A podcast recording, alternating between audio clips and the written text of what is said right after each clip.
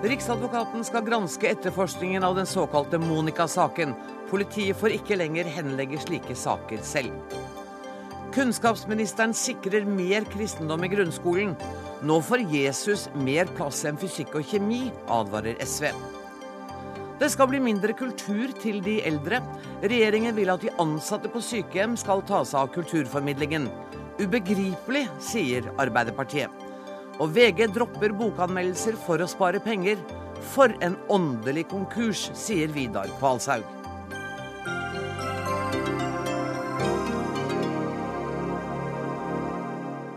Vel møtt til Dagsnytt 18, der vi i dag også skal bli nærmere kjent med Olav T. Sandnes, mannen som fra nyttår skal lede NRKs skarpeste konkurrent. Men først. En forsvunnet mobil, en knust rute og en uidentifisert mann. Til tross for flere ubesvarte spørsmål henla politiet saken etter at åtte år gamle Monika Sviglinskaja ble funnet kvalt i 2011. Så ble saken gjenopptatt, og nå er en mann siktet for drapet. Riksadvokaten har i dag bestemt at det skal nedsettes en arbeidsgruppe som skal evaluere politiets arbeid. Riksadvokat, ah, Riksadvokat Tor Aksel Busch, hvorfor gjør du dette? Det er jo en meget alvorlig sak som ligger i bunnen her. Den har jo et dramatisk forløp. En uh, ung jente blir funnet død. Saken blir henlagt. Så blir det fornyet etterforskning, og som du sier, en person siktes for drap. Uaktet om det blir tiltale mot denne mannen, det vet vi ingenting om, så må vi undersøke nærmere hvordan eh, kan eh, dette skje. Hva kan vi lære av det som her har skjedd. Jeg understreker at jeg kan ingenting om denne saken. Eh, jeg reagerer nå, det er i og for seg sjelden jeg gjør, bare på grunnlag av det som er kommet frem i media.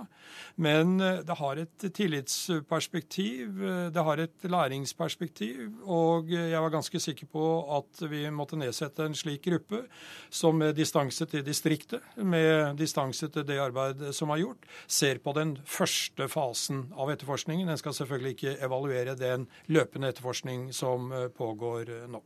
Men ligger det en kritikk i det faktum at du oppretter denne undersøkelsesgruppen? Det kan man jo si. Eh, og jeg skal være forsiktig med å gradere noen form for eh, kritikk.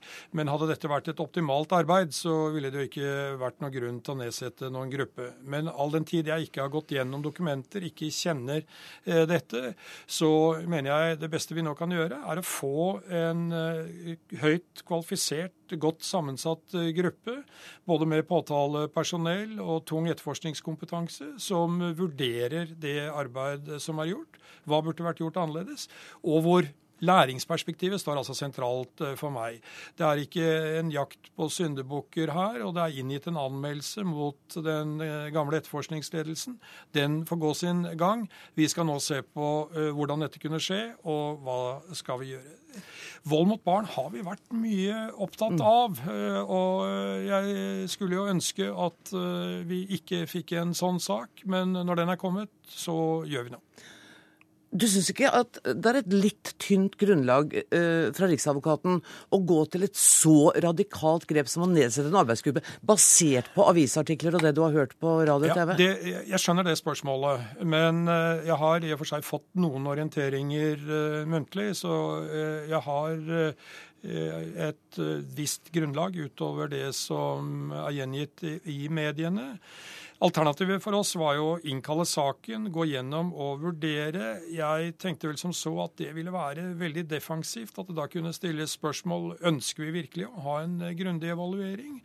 Og iblant eh, så må man eh, treffe noen eh, raske beslutninger, og det har vi altså gjort her i dag. Kunne ikke spesialenhetene gått inn og etterforsket dette? Jo, de skal jo etterforske dette, for det er inngitt en anmeldelse. Men det vil, tror jeg, bli en noe snevrere etterforskning enn en bredere gjennomgang som vi legger opp til. Vi skal se på alle sider.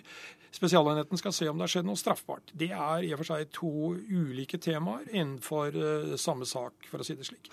I den såkalte Kristoffer-saken så grep Riksadvokaten inn, og det var du som fikk iverksatt ny etterforskning.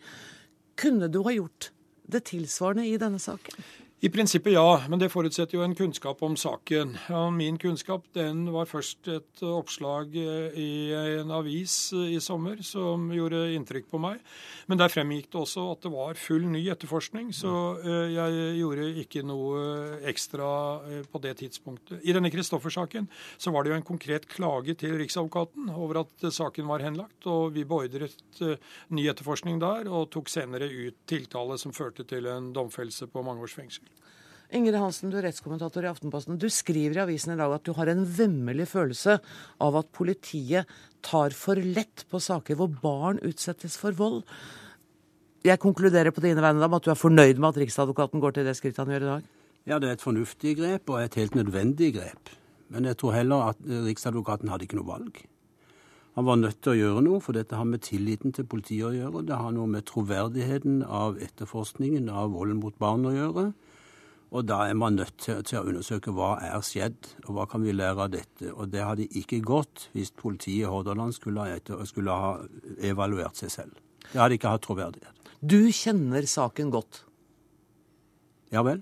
Vil du komme med kritikk av politiets arbeid? Ja, absolutt. Eh, jeg kan ikke fatte at det går an å henlegge denne saken som intet straffbart forhold. Det, man behøver ikke være rakettforsker for å få skjønne at dette her eh, må det jo ha vært et innbrudd. Eh, jentungen på åtte år går ikke, rundt, går ikke ut og knuser ruten i inngangsdøren. Det er forsvunnet verdisaker fra huset. Hennes egen mobiltelefon er forsvunnet. Det, er klart at det, det, det er ufattelig at det går an å henlegge en sånn sak. Jeg må bare si at Vi har selvfølgelig henvendt oss til politiet i Hordaland og til eh, statsadvokatembetet i Hordaland og til politidirektøren og invitert dem til å komme i studio, men ingen av dem eh, hadde anledning.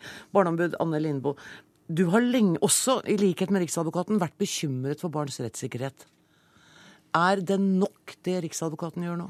Altså Det Riksadvokaten gjør er veldig bra og veldig viktig. Men det er klart at uh, vi vil jo helst ikke komme dit. Uh, altså Vi vil ha god etterforskning. Og der mener jeg at man må ta noen grep. Eh, sånn som det er i dag, så ser vi at det er altfor mange små miljøer som sitter alene. Man mangler kompetanse, man kommer for sent i gang. Eh, det er en, en påtalemyndighet som ikke nødvendigvis er nok trenet. Man har ikke godt nok trenede etterforskere, man mangler IKT-kompetanse. Kripos hentes ikke inn tidlig nok. Det er veldig stor forskjell på kvaliteten i etterforskningen rundt omkring i Norge. Og Sånn kan vi ikke ha det. og Derfor er jeg veldig opptatt av at man må organisere politiet nå på en måte med store, robuste etterforskningsenheter med god kompetanse som kan sikre barns rettssikkerhet rettssikkerhet i disse sakene.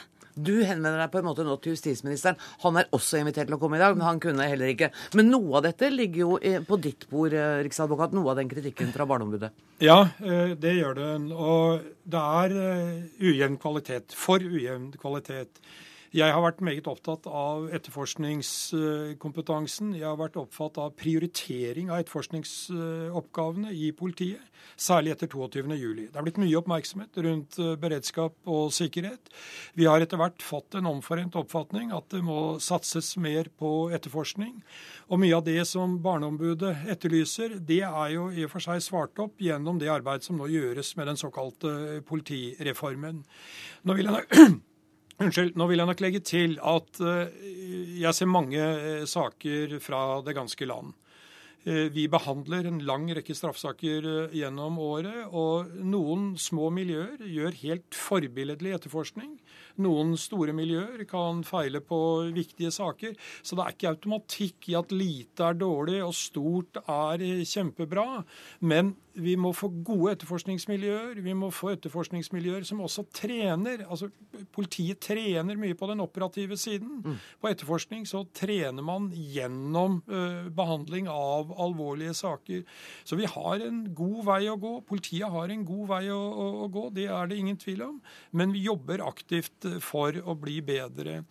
Og barn, eh, Vold mot barn har hatt veldig mye oppmerksomhet. Eh, nøkkelpersonell har vært samlet på et utall av møter, konferanser. Vi har gått gjennom erfaring, vi har gått gjennom eh, arbeidsrutiner, understreket viktigheten av dette gjøres. Jeg har snakket om at man må vende enhver stein. Denne saken bærer jo bud om at det er riktig det jeg sier. Vi har fortsatt en vei å gå. Uh, Ingrid Hansen, du sier altså at du har et generelt inntrykk av at saker som omhandler vold mot barn, ikke blir tatt alvorlig nok. Nå, nå bekrefter jo nesten Riksadvokaten dine antakelser. Hva mener du skal gjøres? Det, er, det, det, kan aldri bli kompetanse god nok hos etterforskerne. Det, det er helt klart. Og, og i fremtiden vil det selvfølgelig også Det, det er mennesker som etterforsker, og de vil gjøre feil. Det, det er helt klart. Men jeg tror at jo strammere rammer du gir en sånn etterforskning, jo mindre er muligheten til å gjøre feil. Altså kompetanse og stramme rammer rundt etterforskningen. Det tror jeg er ganske viktig. Og så tror jeg det er viktig det som, som nå Riksadvokaten har, har, tatt initiativ til, nemlig at vi kan ikke ha politimestre som sitter på, på hver sin tue og henlegger saker mm. som gjelder mistenkelige dødsfall, enten det er barn eller voksne.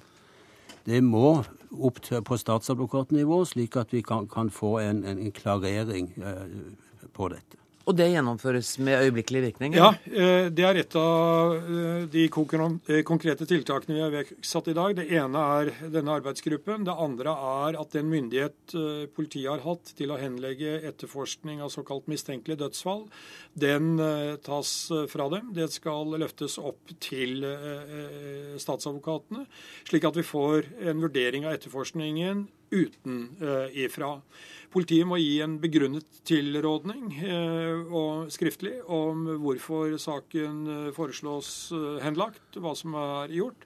Og så forutsetter jeg at statsadvokatene med sin erfaring og kompetanse kritisk vurderer om dette er riktig.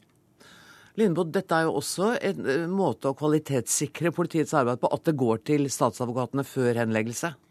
Ja, men da har man kommet veldig langt. Mm. Eh, og jeg er jo helt enig i Riksadvokaten at lite ikke nødvendigvis er dårlig og stort er godt. Men poenget er at lite er sårbart. Eh, og eh, vi ser jo eksempler f.eks. fra Sverige. Der har man, der, eh, I Malmö der hadde man veldig eh, Man etterforsket for dårlig, anerkjente man. Man fikk altfor få saker ført for retten. Der omorganiserte man. Man lagde et stort sånn familievolds... Eh, en stor enhet som ser på all type vold og overgrep mot barn og kvinner. Og har fått liksom en mange mangedobling av eh, saker ført for eh, retten. Eh, fordi man har fått bedre trening, bedre rutiner, tettere samarbeid, bedre, samarbeid, bedre kontakt med påtalemyndigheten osv. En annen ting som jeg også er opptatt av som svikter her i Norge, det er at vi har ikke statistikk. Vi aner faktisk ikke hvor mange saker som etterforskes av politi som henlegges. Vi aner heller ikke hvor mange saker som kommer for Er det mulig? Ja, det er mulig, og det har jeg etterlyst siden jeg ble barneombud. Fått, uh, fått Hvem er det som har ansvaret for det? Nei, det er jo altså, Problemet i dag er at politiet har for dårlige IKT-systemer, så de, de, må hente det ut manuelt. Og Da må noen faktisk beordre dem, mener jeg, inntil vi uh, får bedre IKT-systemer. For vi vet jo ikke hvor mange saker som henlegges. Vi vet heller ikke hvor mange saker som ender i en domfellelse i retten. Og da vet vi jo heller ikke hvor vi skal sette inn tiltak. Noen må beordre. Jeg setter øya i Riksadvokaten igjen, jeg da. Noen må beordre dem. Dette er utenfor uh, mitt ansvarsområde. Her er Barneombudet. Også her er vi helt enige, og dette har vi snakket om uh, før. Men har dere ingen innflytelse da, kjære venner? Dere sitter i maktposisjoner og sier at dette har vi snakket om mange ganger før, og så skjer ikke en ting? Nei, eh, det har i hvert fall ikke skjedd nok. Vi har eh, tall selvfølgelig om mange saker som henlegges totalt. Vi har eh, tall på hvor mange saker vi fremmer. Vi har tall på hvor mange saker som ender med frifinnelse. Men vi har altså ikke saker knyttet til barn. Så vi kan ikke svare på hva som eh, relaterer seg til barn. Og det, det er en alvorlig mangel. Alle er enige om at uh, dette må vi kunne svare opp uh, adekvat, eller politiet svare opp adekvat. Hvor langt det arbeidet er, det vet jeg ikke. Men det gjøres noe med det. Ingrid Hansen, du ba om ordet. Jeg vet ikke om det var det var til. Jeg tror også det er veldig viktig at dette man ser på ledelsen her. Ledelsen ved, ved, ved politidistriktene, er de dyktige nok, er de skolert nok til, til å kunne ta sånne saker og lede sine folk i riktig retning?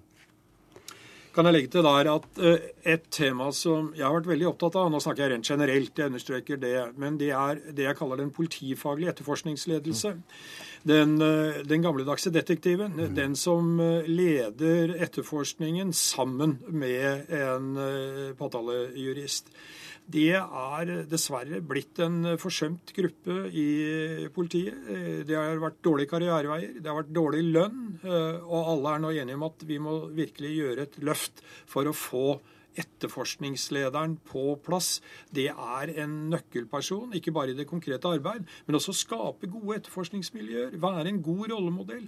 Ha god kunnskap om hva som er mulig, både teknisk, eh, rettslig også og videre. Når kan det skje, da? For dette har du også snakket om tidligere. Ja, da, jeg har vært hos deg og snakket om det eh, tidligere. Og, og, og, her ligger jo oppfølgingen eh, i Politidirektoratet. Det må gjøres noe med det lønnsmessige. Det må gjøres noe med karriereveiene. Politihøgskolen er i ferd med å utvikle en master i etterforskningsledelse.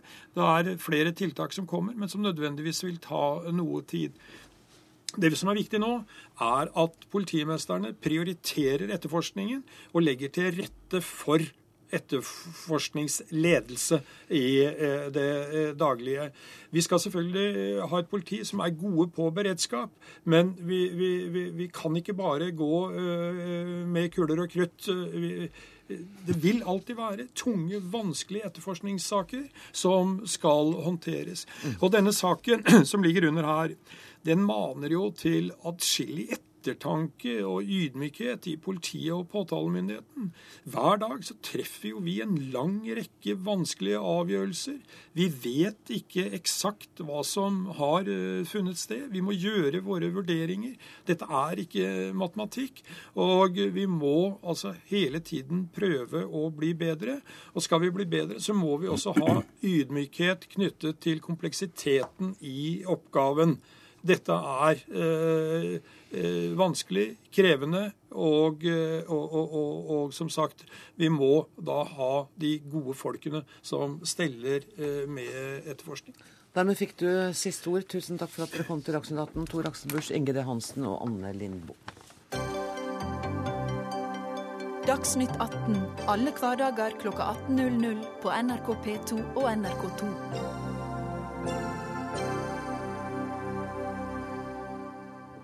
Nå er K-en tilbake i religionsfaget i grunnskolen. Det kunngjorde kunnskapsministeren på en pressekonferanse i dag. Det har vært en del strid om hvor stor plass kristendommen skal ha i undervisningen, men nå får altså KrF viljen sin. Kristendom skal utgjøre om lag halvparten av religion- og livssynsundervisningen i skolen. Kunnskapsminister Torbjørn Røe Isaksen, hvorfor vil dere dette? Vi, vi, mener for det første at det er viktig å ha innsikt i kristendomskunnskapen for å forstå norsk kultur, norsk historie, eh, norske verdier, norsk utvikling. Kristendomsfaget, eller kristendomsdelen av faget, sier noe om hvem vi er og hvor vi kommer fra. Så er det et minst like viktig spørsmål også hva er det vi ikke har gjort? Mm. Eh, og vi har da ikke endret eh, den, delen av faget som, den delen av loven som sier at dette ikke skal være et forkynnende fag. KRLE er ikke et fag som skal gjøre folk kristne. Det er et fag på lik linje med alle andre fag i skolen. Vi har ikke endret fritaksreglene. Vi har faktisk bare endret to ting. Uh, det er at det kommer en K. Og så sier vi at om lag halvparten skal brukes på de kompetansemålene som det heter, som handler om kristendom. Alt annet det er akkurat likt. Så dere later som om Kristelig Folkeparti har fått vilja si, og så er det egentlig bare litt sminke? Nei, eh, dette er jo, en, er jo, en, endring. For vi ja. sier at kristendommen skal ha noe større plass enn i dag. Ja, nettopp. men det er også når jeg ser at eh, noen stiller spørsmålet jo, men hva med fritak, og betyr dette at vi nå skal få et kristendomsfag? Nei, altså faget er likt. Det er fortsatt et objektivt, pluralistisk fag som skal dyrke kritisk, selvstendig tenkning, men kristendommen skal ha noe større plass enn det har i dag. Ja, Og eh, Kristelig Folkeparti, så vidt jeg skjønte, vil gjerne ha at det skulle være om lag 55 kristendomsundervisning. Altså, vi, var, vi var alle, både Venstre, Kristelig Folkeparti, Høyre og Frp, var enige om det etter, eh, etter, at vi satte oss ned og forhandlet om en samarbeidsavtale. Så hadde vi en formulering på at minst 55% av tiden skulle brukes på kristendom. Ja. Så tror jeg vi alle innså, alle de fire partiene, at det er en veldig rigid formulering. Ja. Ikke sant? Og hva, hva, hva jeg er glad jeg ikke er den læreren. Ja, ikke sant? Og hva, hva hvis du bruker 53 ja. og hva hvis du bruker 56% og hva hvis du skal du gå rundt med stoppeklokke? Så da sier vi om lag halvparten. Og så har vi tillit til at på lik linje med alle andre områder i skolen, så har vi tillit til at lærerne eh, sikrer og gjennomfører dette på en god måte, i tråd med deres faglige kompetanse. Torgeir Knag Fylkesnes, du sitter i utdanningskomiteen for SV. Er dette egentlig noe å hisse seg oppover? Ja, det er, jo, eh, det er, jo, det Man eh, øker rett og slett Hadde vært leit hvis du hadde sagt nei, for da kunne vi liksom Ja, da hadde vi, debatten vært ødelagt. Ja. Ja. Nei, det er jo ganske alvorlig, dette her. Altså, man fra at RLE-faget, religion, livssyn og etikk, eh, på en måte var et balansert fag med en god blanding av både etiske spørsmål, eh, rasisme, toleranse, eh, respekt, og så disse verdensreligionene osv., så, videre, så tar man nå og sier at halvparten skal handle om kristendom. Mm. Og Én ting er at uh, man da egentlig skviser de andre fagene. Man, man blir, rett og slett mindre uh, spørsmål omkring uh, toleranse, seksualitet, alle de andre delene av dette, andre religioner, og blir mer kristendom. bare det i seg sjøl mener jeg er en, en stor feil. Men det andre som kanskje er enda mer alvorlig, som jeg mener vi bør ha en mye større diskusjon om i Norge, det er rett og slett at man, inn, man, man gjør nå skolen til en kamparena for religionene. Det gjør man det? Ja, Man tar rett og slett og sier at kristendommen det er aller viktigst. De andre, eh, andre religioner, andre livssyn osv. vel og bra, men halvparten av dette skal handle om kristendommen. Mm. Og RLE-faget er et kjempestort fag i utgangspunktet. Og når halvparten skal faktisk være kristendom, da, hvis du begynner å bare se på naturfag osv., da er faktisk kristendommen et større fag i skolen enn lære om naturen, mangfold i naturen, eller om verdensrommet, som de også lærer om. Og da har du fått en enorm satsing på kristendommen. Og, og det her er jo faktisk, er faktisk den eneste timetallsøkninga denne regjeringa har gjort. Og det er da på kristendommen. Det, for meg er det helt ubegripelig. Men det er jo ikke en timetallsøkning. Det er jo akkurat de samme timene i dag. Det er akkurat det samme innholdet i faget. Men det er jo ikke mer radikalt, da, eller, eller holdt på å si eh, voldsomt enn at fra 2005 til 2008, da SV satt i regjering, så var det en regel om at du skulle ha minst 55% kristendom i RLE-faget. Men det var vel en etterlevning fra den forrige var, regjeringen, var, som de da jo, gjorde noe med i 2008? Jo, da, La oss holde kortene her. Jo da, det er helt riktig ja. at de gjorde noe med det i 2008, men det er ikke, det er ikke sånn at dette er helt dramatisk nytt. Og vi, det vi fremmer nå, er jo et mer moderat forslag enn det også. Men så er nok jeg uenig Altså, jeg er klart uenig med SV på på flere ting, men en av de tingene som ligger til grunn her, det er at jeg mener det er naturlig i et land som Norge at vår desidert største og viktigste religion også har en større plass i vårt felles religions- og livssynsfag. Mm. Jeg mener at du kan ikke forstå norsk historie, kultur, frelsesmotivet i Per Gynt til, til, kunsten vår, kan du ikke forstå hvis du ikke også har en innsikt i vår kristne kulturarv. Vi skal fortsette med dere. Jeg har tre herrer i studio. Må bedre alle ta på hodetelefonene, for vi skal snakke med Iselin Nybø fra Venstre, som er nestleder i utdanningskomiteen, og som sitter i stortingsstudio. Hva er din vurdering av at dette nå er vedtatt? Ja, Det er jo ingen hemmelighet at eh, det å få K-en tilbake i RLE-faget ikke akkurat var Venstre sin kampsak når, eh, når vi forhandla i Nydalen.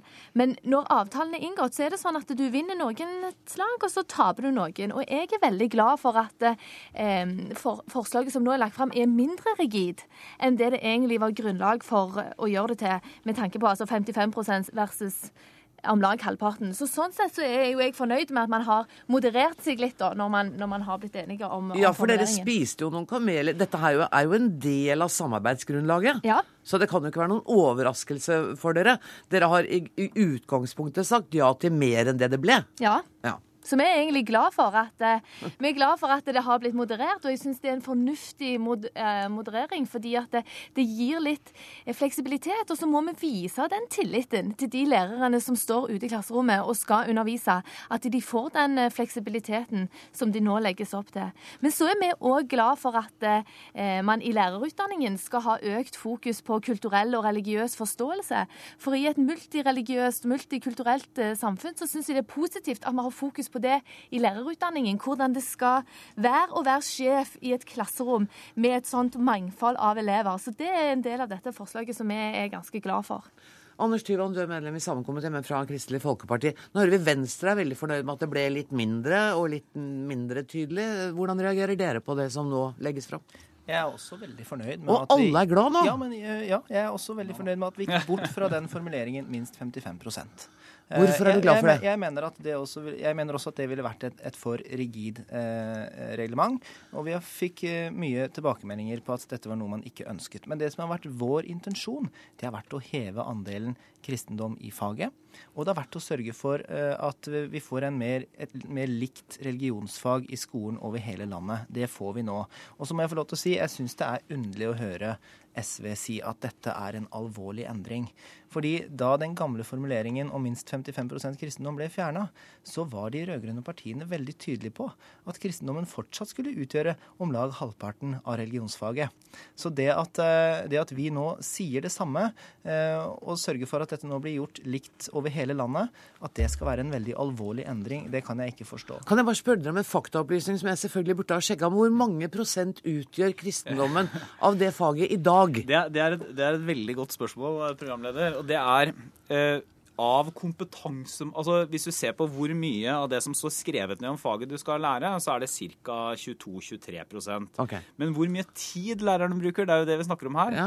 Sannheten er at vi, vi har ikke noe helt oppdaterte tall. De tallene vi hadde fra, er fra 2000, og det er da fra, fra det gamle faget. Og der var det alt fra 80 kanskje i noen deler av landet, som ble brukt på kristendom, til eh, under 30% Og snittet den gang var 55 og det var det som ga opphav til denne formuleringen som varte fram til Om 2008, om 55%. 55%. Og Det er også viktig da å få fram at kompetansemålene ble ikke endra eh, den gangen kravet om minst 55 eh, ble tatt bort, og det endres heller ikke nå. Men Men kompetansemålene Så det er hva du skal lære. Ja. Ja, men det er jo, altså, i det du, den, Dette faget består av tre store bolker. Kristendommen er en av de, og så er det andre verdensreligioner, så er det eh, livssyn, etikk, andre store spørsmål i livet. Eh, men det denne her endringa her gjør, det er, og det tror jeg nok alle her er enig i, det blir mer kristendomme. Og det er det som er den store seieren til KrF her.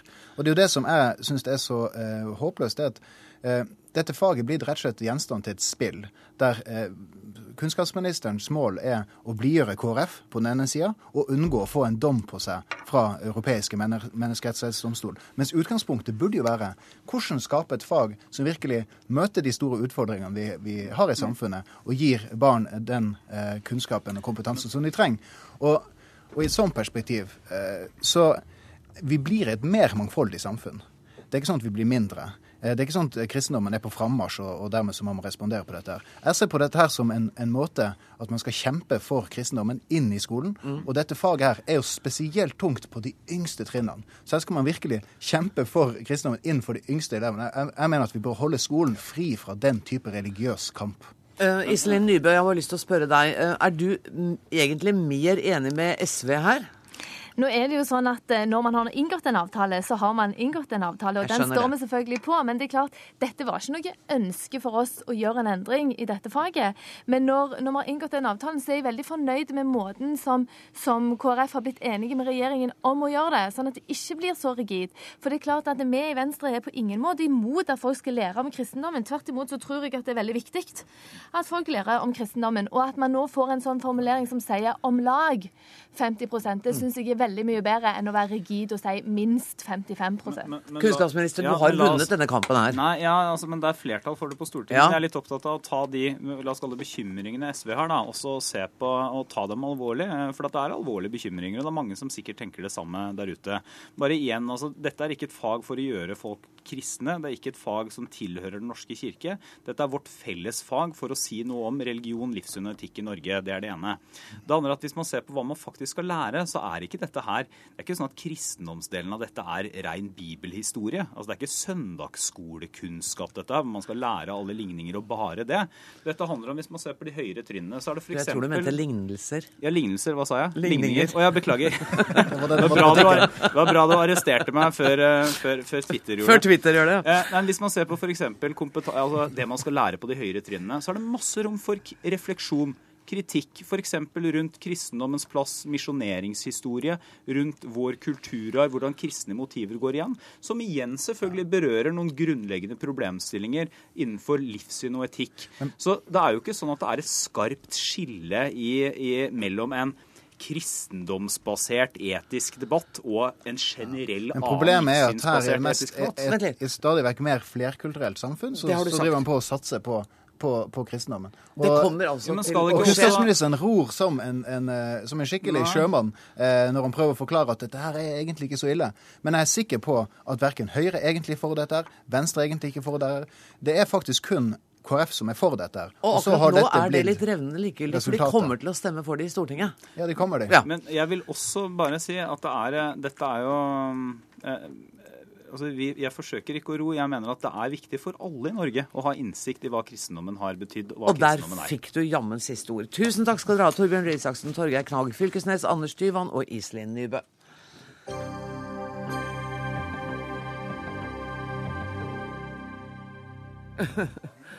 Nå diskuteres det mens de går ut av studio, men jeg går ufortrødent videre. Kan sykepleiere synge og spille like godt som profesjonelle musikere? De kan i hvert fall fylle den samme funksjonen, det mener regjeringen, som vil knekke Den kulturelle spaserstokken i to. Den kulturelle spaserstokken har vi hatt siden 2007, og den har bidratt med 30 millioner kroner for å sikre en profesjonell kunst- og kulturformidling til de eldre. Men nå skal det altså prioriteres annerledes. Tone Wilhelmsen Trøen, du er helsepolitisk talskvinne for eh, Høyre. Hvorfor avvikler dere denne ordningen? Regjeringens eh, arbeid handler først og fremst om å eh, sørge for en faglig sterk omsorgstjeneste. Det har vi startet med fra dag én. Eh, I det første budsjettet la vi inn 50 millioner mer til kompetansehevende tiltak. Eh, sånn at Premisset handler jo ikke om, som du sier, at sykepleierne skal læres opp til å synge på fellesrommet, slik man kunne få inntrykk av i dagens Aftenposten. Ja, det er, unnskyld meg, det er sitat eh, Kari Kjønaas Kjos, din partikollega, som sier det er behov for opplæring og veiledning av de ansatte til å bidra at musikk og sang kan benyttes systematisk i omsorgstjenesten. Det finnes i dag opplæringsprogrammer som gjør at man kan integrere musikk og sang som en del av omsorgstjenesten. Og det er helt riktig, fordi noe av det viktigste vi kan gjøre i demensomsorgen, som er omsorgen for de mest sårbare pasientene vi har, er å ta i bruk musikk. Men det er i den integrerte delen, i det én-til-én-stellet eh, som man har mellom pleier og pasient. Og Men nå er snakker du bare om demente, da. Og ikke om alle de andre som er på sykehjem. Nei, og nå Bare, vær litt presis på ja, det. det er helt riktig. Du snakker bare om de demente. Nå snakker jeg om de mest sårbare pasientene som vi har i norsk omsorgstjeneste. Det er demenspasientene. Vår viktigste oppgave er å bygge en faglig sterk omsorgstjeneste. Derfor prioriterer vi disse midlene, fordi vi vet gjennom bred forskning, både norsk og internasjonal forskning, at bruk av musikk integrert i den daglige pleien til eldre syke pasienter på sykehjem fungerer svært godt. Men altså Aftenpostens oppslag i dag gjelder ikke bare demente pasienter, men den gjelder altså pasienter på sykehjem. Og da har jeg lyst til å spørre deg, Merete Markussen. Du er musiker, og du har reist mye rundt på eldreinstitusjoner for å spille for beboerne. Um, er dette en oppgave som sykepleierne like gjerne kan gjøre? Mm, jeg tenker ikke det, da. Jeg tror at eh, det kommer profesjonelle musikere inn i eh, storstuen på alle de bo- og behandlingssentre som er i landet. Jeg tror det er litt høytid der nå. Hvordan, hvordan merker du det? På mandag så, så kom vi inn et sted eh, hvor det faktisk er ektepar som bor sammen. Jeg tenkte jeg måtte spørre om det var kommunalt til og med. Og da satt disse eldre herrene i dress og slips og lyttet. Og så hadde alle pyntet seg, og så serverte de kaffe og kaker etterpå. Så de gledet seg, og det, sa, det sier jo vi snakker med de når de kommer. De gleder seg voldsomt. Det kommer, Så skjer det at vi spiller ganske vakker musikk. Jeg drar rundt med Pål Størseth, som spiller piano, og fløyte, som jeg spiller. Og så blir de veldig rørt. Det går rett inn i hjertet deres. Så det satt tre mennesker på første rad foran meg på mandag, og tårene rant. Eh, på den Vivaldi-largo-satsen som jeg spilte, så satt de bare Og, så, og jeg, var, jeg kjente Vet du hva? Det er det fineste jobben man kan ha. Det var, Jeg ble dypt rørt, da. Og etterpå kommer det bort en av de, eh, en annen gammel mann som sier eh, at han syns pianisten balanserte det fint. Han begynte å prate om hvordan eh, Jeg likte spesielt godt at dere sa hele diktet til Åsmund Vinje i, ved Rondane før dere spilte den. Da kom vi helt inn i det. Jeg var på Rondane. Så jeg, men du har hørt på mye klassisk musikk før. Ja, det har jeg. Jeg er amatørmusiker. Jeg har spilt i Bergen Symfoniorkester hele mitt liv. Og nå er jeg her. Og så kommer du og dere hit. Det, og så kjenner jeg ja takk. Det er verdt det. Så det er en faktisk en eh, stor skam hvis det går igjennom. Fordi kan jeg bare si det, at Ja, man opplever kan- at disse eldre menneskene de har gjort alt det arbeidet som gjør at vi har det landet vi har. Dette er de som har gjort det arbeidet, og nå sitter de helt på slutten av livet. Det kommer trillende inn mennesker som er helt inntullet i pledd. De er helt i siste fase av livet, men friske. Men de er på slutten. Så sitter de bare og lukker øynene, så ser de sånne små smil i munnviken. Så vet vi ja, det er riktig, jeg kan si det, jeg kjenner det på kroppen. Men mange andre musikkforskere nede på Musikkhøgskolen, de forsker på det. Vi vet det, det virker. Det er for demente er det særdeles viktig. Eh, og man ser, og der er det en egen faggruppe, musikkterapeutene som jobber. Det er ikke bare, det må egne fagfolk inn for, for å gjøre det. Men Jeg må slippe til Tone Trøen igjen, for det er, et- det er en tøff setting for deg her i dag. For at du har tre mennesker rundt deg som alle er uenige med deg. Um, så vi skal ikke gjøre det verre enn det er for deg. Men, men du hører disse argumentene. Er det noen mulighet for at dere kan tenke på nytt på dette? For dette har skapt voldsomme reaksjoner i sosiale medier og overalt i dag. Det er helt riktig. Og det skjer mye utrolig vakkert ute på mange norske institusjoner. Jeg er jo sykepleier selv. Jeg har jo jobbet jeg, har- jeg har jo opplevd akkurat det du opplever. Det er helt fantastisk. Det skjer jo ikke bare i regi av Den kulturelle spaserstokken. Nei, men er skjer det jo- den vi snakker om her? Ja, det er den vi snakker om Ja. her. Det er de 15,4 millionene vi snakker om Ja. her.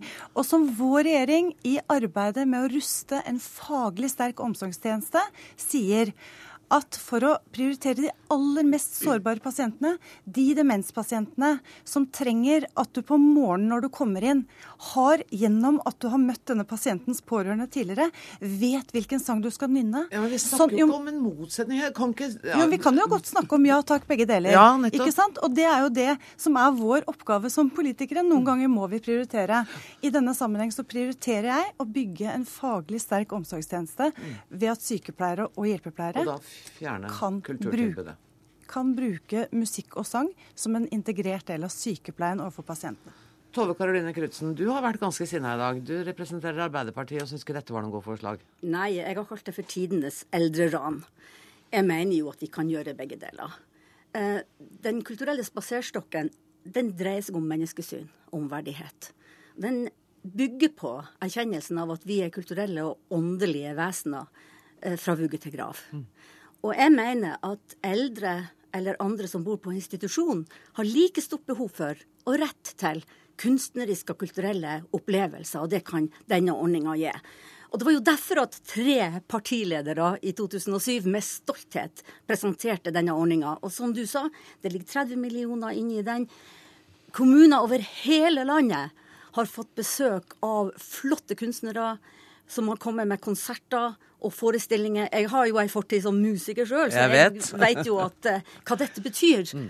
Og jeg tenker at vi kan veldig godt løfte det daglige arbeidet og det som skjer f.eks. i regi av utviklingssentrene, som driver med innovasjon og som driver med opplæring i, eh, i, til omsorgspersonell. Vi kan gjøre det og samtidig ta vare på Den kulturelle spaserstokken, for den er unik. Og jeg mener det er tragisk og forferdelig hvis den nå forsvinner. Så jeg håper at regjeringspartiene besinner seg. Tone Trøen, du skal få ordet, men du skal få den tredje eh, kritiske røsten her også. Det er Harald Nordmann, som er generalsekretær i Pensjonistforbundet. Eh, Dere har fått mange henvendelser om dette, er dere ikke det? Drøssevis av brukere, av pårørende, av ansatte i helsesektoren, av utøvende musikere. Alle er Det er kategorisk dette er galskap. For dette starta som en suksesshistorie i 2007 og har bygd seg opp til å bli en enda større suksess. Og, og svaret kom her i stad. Hva hun kunne fortelle at hun opplevde når hun var ute. Og ingen skal fortelle meg, Trøen, at ikke det er penger nok i, i, i Norge til å kunne ha en ordning som heter Den kulturelle spaserstokken. Eh, Jeg er, jeg er stolt av politikere som på et kritisk eh, måte går inn og ser på kostnadene. Men her er det ikke snev av sløsing i det hele tatt. Det er 30 millioner effektive kroner som går ut til, til eh, kultur, til eldre i institusjon og utenfor institusjon. Jeg har ikke hørt en, en eneste som har sagt noe negativt om ordningen. De to siste årene så har sågar alle partier på Stortinget enstemmig stemt for Den kulturelle spaserstokken. Så dette virker veldig rart. Jeg ber dere pent om å trekke det forslaget igjen. Tone Strøm, føler du deg litt aleine nå? I denne Nei, altså, jeg, ja, man kunne jo fort tenke det. Ja. Eh, Men jeg, jeg gjør på mange måter ikke det. fordi at eh, jeg tror hvis vi, Når man, når man er inne i, i et sykehjem i dag, og inne i omsorgstjenesten som sykepleier, så ser man at de aller, aller mest sårbare pasientene vi har, og jeg har sagt det tidligere i denne debatten også, det er demenspasientene våre. Det det, vi er helt avhengig av å bygge større kompetanse og mer kvalitet i omsorgen. Det arbeidet har vi startet med. Derfor er dette en helt klar prioritering. Og når Tove Karoline Knutsen i dag sier at det er Hun kaller det ynkelig, hun kaller det et eldreran. Hun sier at det handler om, eh, om eh, at ikke det kommer et eneste aktivitetsløft i en, et eneste sykehjem som følge av dette, sier hun. Jeg syns det er en veldig eh, grov undervurdering av de fagmiljøene som jobber ute i så mange sykehjem med å bygge opp kompetanse, både på musikkterapi, på terapeutisk berøring, på mange former for behandling for demenspasienter, som vi er avhengig av å bygge videre på. Det handler om å, og jeg, jeg vil bare si, her er det snakk om å prioritere de mest sårbare pasientene. Ja, Den forrige regjeringa starta jo et demensløft. Og det har vi tenkt å fortsette med. Det gjøres veldig mye bra arbeid i det som kalles for utviklingssentrene for sykehjem og for eh, hjemmetjenester. Her er det veldig mange som driver med kulturelle prosjekter. F.eks. i Tromsø, hvor man har satsa på et prosjekt med film og sang. Hvor man samarbeider med frivilligheten. Og disse erfaringene de bringes ut til alle de kompetansemiljøene og sykehjemmene som finnes i kommunene i hele fylket. Og slike sentre har vi i alle fylkene. Så her legger vi penger inn, og vi kan gjerne være med og løfte det, men ikke rør Den kulturelle spaserstokken. Det ber jeg regjeringa om. Tida løper litt fra oss, Merete Markussen. Du sa at det ville være en skam hvis dette ble noe av. Er dette en hovedinntektskilde for deg? Jeg må bare spørre, for noen sitter sikkert og tenker ja, hun er ute etter å redde sin egen arbeidsplass. Nei, det er det ikke. Nei. Eh, det er ikke så mye penger i det. Men det er ganske Det er veldig, det er veldig fine eh, jobber å få. Fordi de går på formiddagen. Mm. Vi spiller én halv tolv og en klokken ett. Og så går jeg på jobb klokken halv tre og underviser. Eh, og vi underviser ettermiddag kveld, og vi spiller konserter på kveldene. Å gjøre noe på formiddag er utrolig hyggelig. Dere må tenke eh, dere må tenke begge deler. Ja takk i denne saken. Det er særdeles viktig. Det er et helt annet Det musikkterapeuten gjør, er daglig. Det vi kommer inn, det er å lage høytid litt der inne når det ikke kan komme ut. Det har vi en forpliktelse til å gjøre. Eh, og så kan jeg bare si en strålende historie om en gammel dam til slutt. Som Vi hadde den første sang av Per Sivle, og så begynte hun å synge. Hun var helt borte. Så sang hun mer og mer og mer gjennom fire vers. Og så sa vi 'Hvor hyggelig du sang'. Og hun var helt borte. Og så fortsatte hun, for dette var en gammel sanger. Så fortsatte hun. Alt var i gang inni henne. Og så litt skal til. Um, ja. Der fikk du siste ord. Jeg tror at poenget er kommet tydelig fram. Tusen takk til dere alle sammen. Tone Trøen, Merete Markussen, Tove Karoline Knutsen og Harald Nordmann.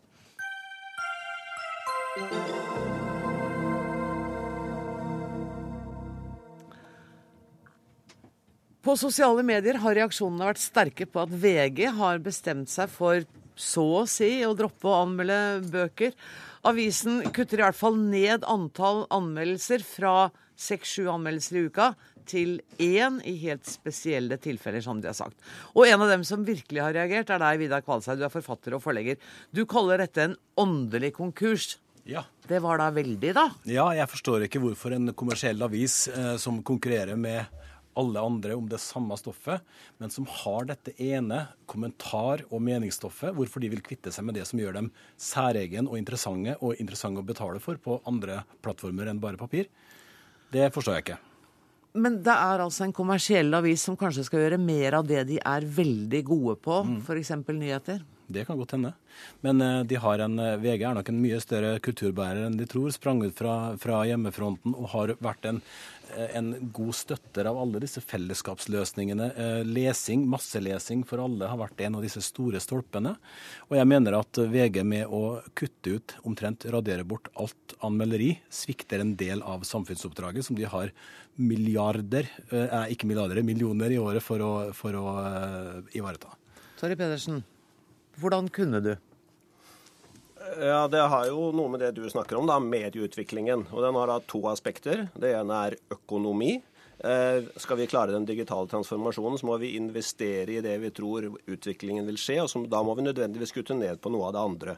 Nå f.eks. investerer vi titalls millioner i levende bilder, TV-bilder, for vi tror at færre vil lese aviser på papir, og færre vil se TV på en lineær TV-skjerm i programtablå. Det investerer vi mye i. Den andre effekten av medieutviklingen er, som du helt korrekt var inne på, at eh, det legger til rette for spesialisering. Mm. Og da ønsker Vi skal ikke slutte å skrive om bøker. Guri Hjeltnes, som sitter ved siden av meg her nå, er eksponert på den mest eh, trafikkerte nettsiden i Norge i hele ettermiddag med en bokanmeldelse. Den mest spennende litterære debatten i kjølvannet av Hanke har gått i VG nå i dagevis. Vi skal fortsette å skrive om bøker, men vi må prøve å gjøre det på en moderne måte. Fordi at i dag så kan leseren anmelde selv. Vi kan aggregere anmeldelser fra hele verden. Eh, vi må eh, i vår Eh, litterære eh, dekning også være nyhetsorientert. Men det er riktig. Vi, for å få til alt dette, så må vi anmelde færre bøker. Vi anmelder jo ikke alle bøker som kommer ut i Norge i dag heller. Nei, langt ifra. Og jeg holdt på å si heldigvis. Men, men at, at, leserne skal anmelde selv, jeg vet ikke, Guri Hjelte, syns du det var noen veldig god trøst? For det første, bøker er kjempegodt stoff. Bøker har vært fantastisk stoff i VG. og øh, Anmeldelser har vært en ryggrad i kulturjournalisten, ikke bare i denne avisen, men i mange medier, også her i NRK. Og um, jeg håper at uh, Torry Pedersen kan tenke kreativt videre og bringe med seg den anmelderiet. For det som VG kan være utrolig stolt av, er at denne avisen er den mest toneangivende på bøker. Har uh, de siste 20 årene bygget opp en sammensatt, veldig sammensatt stab og anmelder bredt. Det er jo det som er spennende. Det er, eh, det er landets mest folkelige avis. Har valgt ut bøker fra et bredt spekter. Satt nyhetsdagsorden. VG har vært, kunnet vært nyhetsledende gjennom bøker. Og det er jo ingen annen som har så bred dekning. Tar dikt, romaner, noveller, seriebøker, barnelitteratur. Um, faktabøker, sagprosa. Jeg husker For noen få år siden så anmeldte VG skolebøkene, det nye etter Reform 97. Anmeldte alle ungdomsskolebøkene videre. Og det slo et enormt inn. Året etter var Aftenposten på banen. Og jeg tenker at det er jo morsomt å høre nå at man satser på nyhetskanalen, men jeg tenker at denne millionen det koster å ha disse eksterne anmelderne, for det er jo det omtrent der vi snakker. Eh, det er peanøtter. Jeg tenker at eh, det er ulikt VG, som er så dyktig og svekket felt som avisen er best på. Jeg mener at avisen er best på nyhet fordi man også er det. Og tenk Torry Pedersen. Uansett hvilken plattform videre. Alt må ikke være på papir. Men jeg tenker at det kan være ålreit å ha med seg at de som leser bøker, og ikke minst de som leser bokanmeldelser, det er kanskje flere som leser bokanmeldelser enn bøker, de leser også aviser, og de gjør det på andre plattformer. Og jeg tenker at så viktig som bøker i dag har blitt i samfunnsdebatten, og én bok i måneden, eller en bok i uka, det går ikke, vet du. Jeg tenker at, at, at Og så må du huske på en ting til som du også kan bruke inn i de nye plattformene som avisen skal satse på, det er jo at når folk så har et så sterkt eh, forhold til bøker, så har de også et forhold til teater, til film, fordi de kjenner en bok som blir tatt, eller en forfatter. Så jeg tenker at her snakker vi om ryggraden. Og så må vi ikke glemme at det å anmelde bøker er et fag. Det er noe man eh, erverver seg kunnskap om gjennom mange år. Det var derfor og, jeg stusset litt da han, og, han sa at ja. da kan leseren anmelde ja, så Jeg har egentlig et spørsmål til, eh, til Torje. Er det interessant å la uh, fotballpublikum skrive om fotball i stedet for å ha eksperter på det feltet, f.eks.?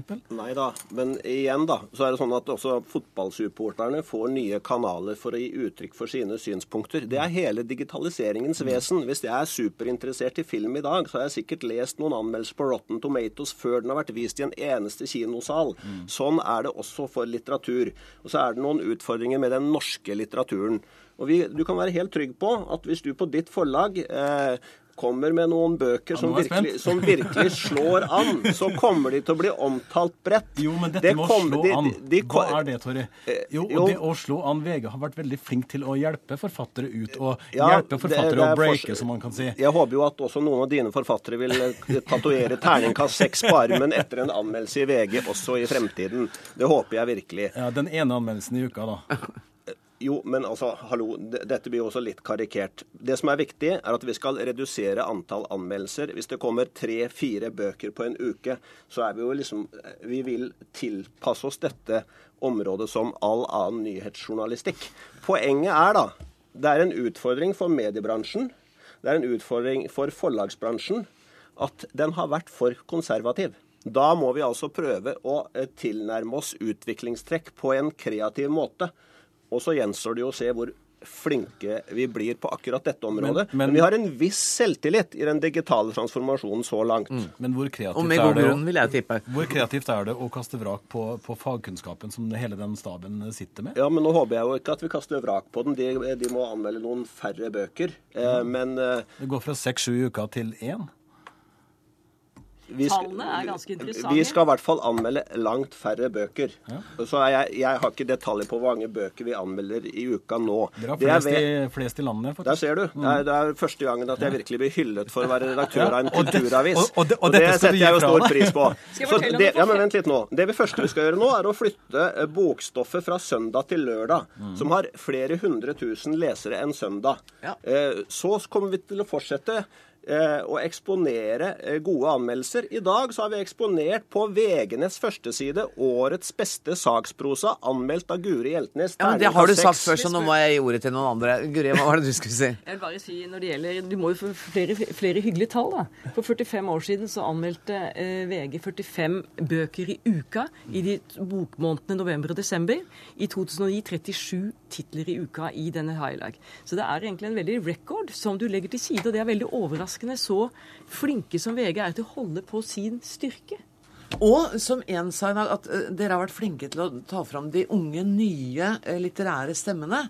Eh, vil dere fortsatt føle et ansvar for det?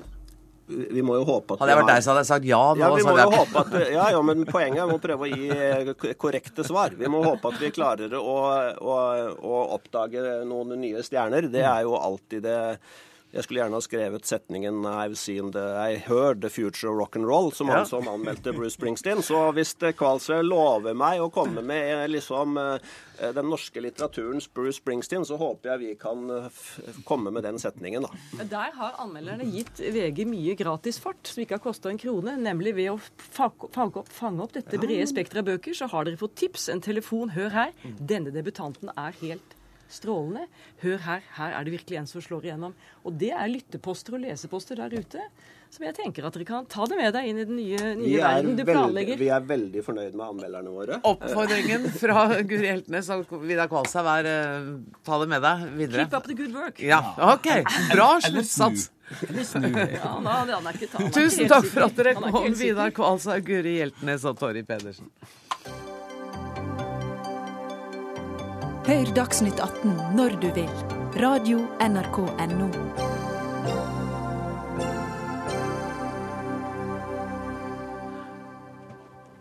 I dag ble det klart at konserndirektør Olav T. Sandnes i Egmont blir den nye sjefen for TV 2. En bransje som er i stor endring, krever en leder med både analytisk, digital, politisk og forretningsmessig forståelse. Det sier bransjefolk som vi har snakka med i dag. Olav Sandnes, gratulerer med ny jobb. Tusen takk skal du ha. Har du alt dette? Nei, det har jeg jo ikke. nei. Jeg, jeg må jo si at jeg er veldig ydmyk overfor det spekteret av kompetanser som kreves. Samtidig så kommer jeg inn i en veldig solid virksomhet som har eh, lykkes over mange år. og Torry snakket her i sted om selvtillit, og det har vi mye av i TV 2 også. Og så skal vi ikke ha mer selvtillit enn at vi skal fortsette å sitte ytterst på stolen og utvikle oss videre også. Altså, Torry Pedersen snakka om eh, de nye plattformene, om digitalisering, om omstilling. Altså, TV-bransjen er jo desidert uh, i en eh, Hva heter det? Ikke skuddstilling, men vi er virkelig utsatt her nå. Og noen jeg snakka med i dag, sier at det der, den jobben du går til, er kanskje Medie-Norges vanskeligste jobb. Jeg tror at uh, Og det at- sa du ja til. Det sa jeg ja til. Du, jeg, jeg gleder meg veldig til å ta fatt. Eh, og så tror jeg du har rett at det kommer til å være mange spennende utfordringer. Den bransjen vi er i, er i enorm endring. Uh, samtidig så tror jeg at det er noe vi har som, som ikke Torry har. Og det er eh, den grunnleggende kunnskapen om levende lyd og bilde. Og den styrken som ligger i levende lyd og bilde, den kommer til å vedvare selv om det digitaliseres. Eh, Så tenker jeg at eh, utfordringene kommer til å være mange, men vi skal også eh, stole på oss selv og det, våre egne kunnskaper. Skal dere også stole på det gammeldagse medium TV? Kommer TV til å fortsette å være viktig om fem år? Jeg vet ikke, Anne. Jeg ser mer på lineær TV enn det jeg ser på TV over internett fortsatt. Jeg bruker mer tid på det. Eh, og det tror jeg jeg kan Men du si at er litt eh, gammeldags, vet du. For jeg leste et sted at på sosiale medier så har du i løpet av tre-fire år sendt 40 tweets eller noe. Det er ikke mye, vet du. Nei, vet du, det er du helt rett i. Jeg skammet meg litt når jeg hørte det. Men samtidig så er det sånn at jeg bruker nok sosiale medier mye til å følge med. Eh, og, og har brukt det på den måten mer enn eh, som en bidragsyter. Og så vet jeg jo at eh, som leder i TV 2 så er jeg nødt til å endre det. Ja, for den andre, en annen egenskap uh, som alle sier at du må ha, er liksom en sosial intelligens. Du må synes. Uh, du må være kontaktskapende. Altså, et annet menneske ville liksom lagt seg under teppet og tenkt at å, det der orker jeg ikke. Nei. Nei, ja, vi, får, vi får se. Jeg håper ikke jeg kommer til å legge meg under en teppe med det første. Nei, da skal jeg komme og hente deg. Ja, gidder du? Ja.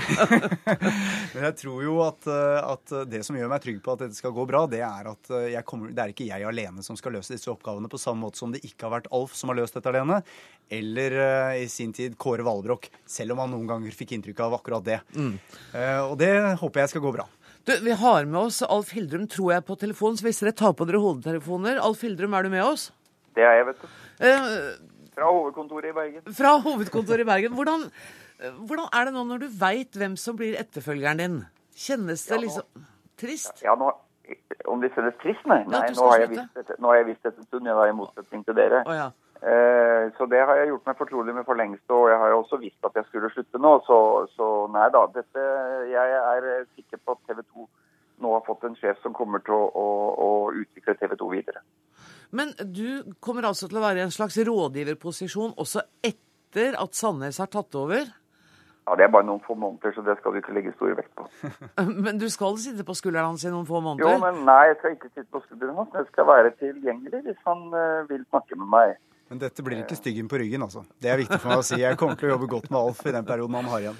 Men, men eh, Hildrum, eh, har du et råd du har lyst til å dele med oss alle til Sandnes før han nå går i gang? Det, det starter med at vi er på høyden med innhold. Og så er det mye annet eh, med teknologi eh, som nok Olav har bedre forutsetninger for å utvikle enn det jeg har hatt med sin bakgrunn. Eh, Men har vi ikke et innhold som interesserer publikum, så har vi ikke noe å gjøre i mediene i framtida. Mm. og så er det også blitt mer komplisert, fordi at når jeg kom inn i jobben, så, så var det først og fremst å lage TV på 23 minutter ganger to på 23 minutter, eller fotballkamp, eller, eller hva det nå var av innhold. Nå er det flere flater du skal forholde deg til. Du må lage innhold til ulike formater, og, og som står seg også eh, utenfor eh, det vi kaller lineær-TV, altså direktesendt uh, TV. Så også den biten har blitt mye mer komplisert nå. Knut Kristian Hauge, du er ansvarlig redaktør og daglig leder i kampanje. Tida har gått litt fort her, så det blir bare et par minutter igjen. Men, men eh, hvordan, sånn som du ser det, hva blir Sandnes sin største utfordring? De største utfordringene, sånn som jeg ser det, er to. Altså Det ene, jeg tror Olav Sandnes må bli enda bedre på innovasjon, særlig på de digitale områdene, enn det kanskje forgjengerne har vært.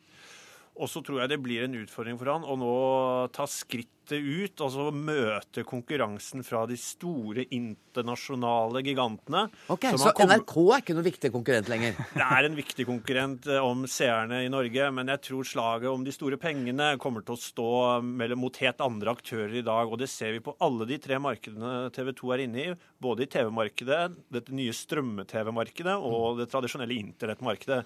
Der heter konkurrenten i dag Discovery, Netflix, Time Warner, Google, Facebook. Det er en utfordring.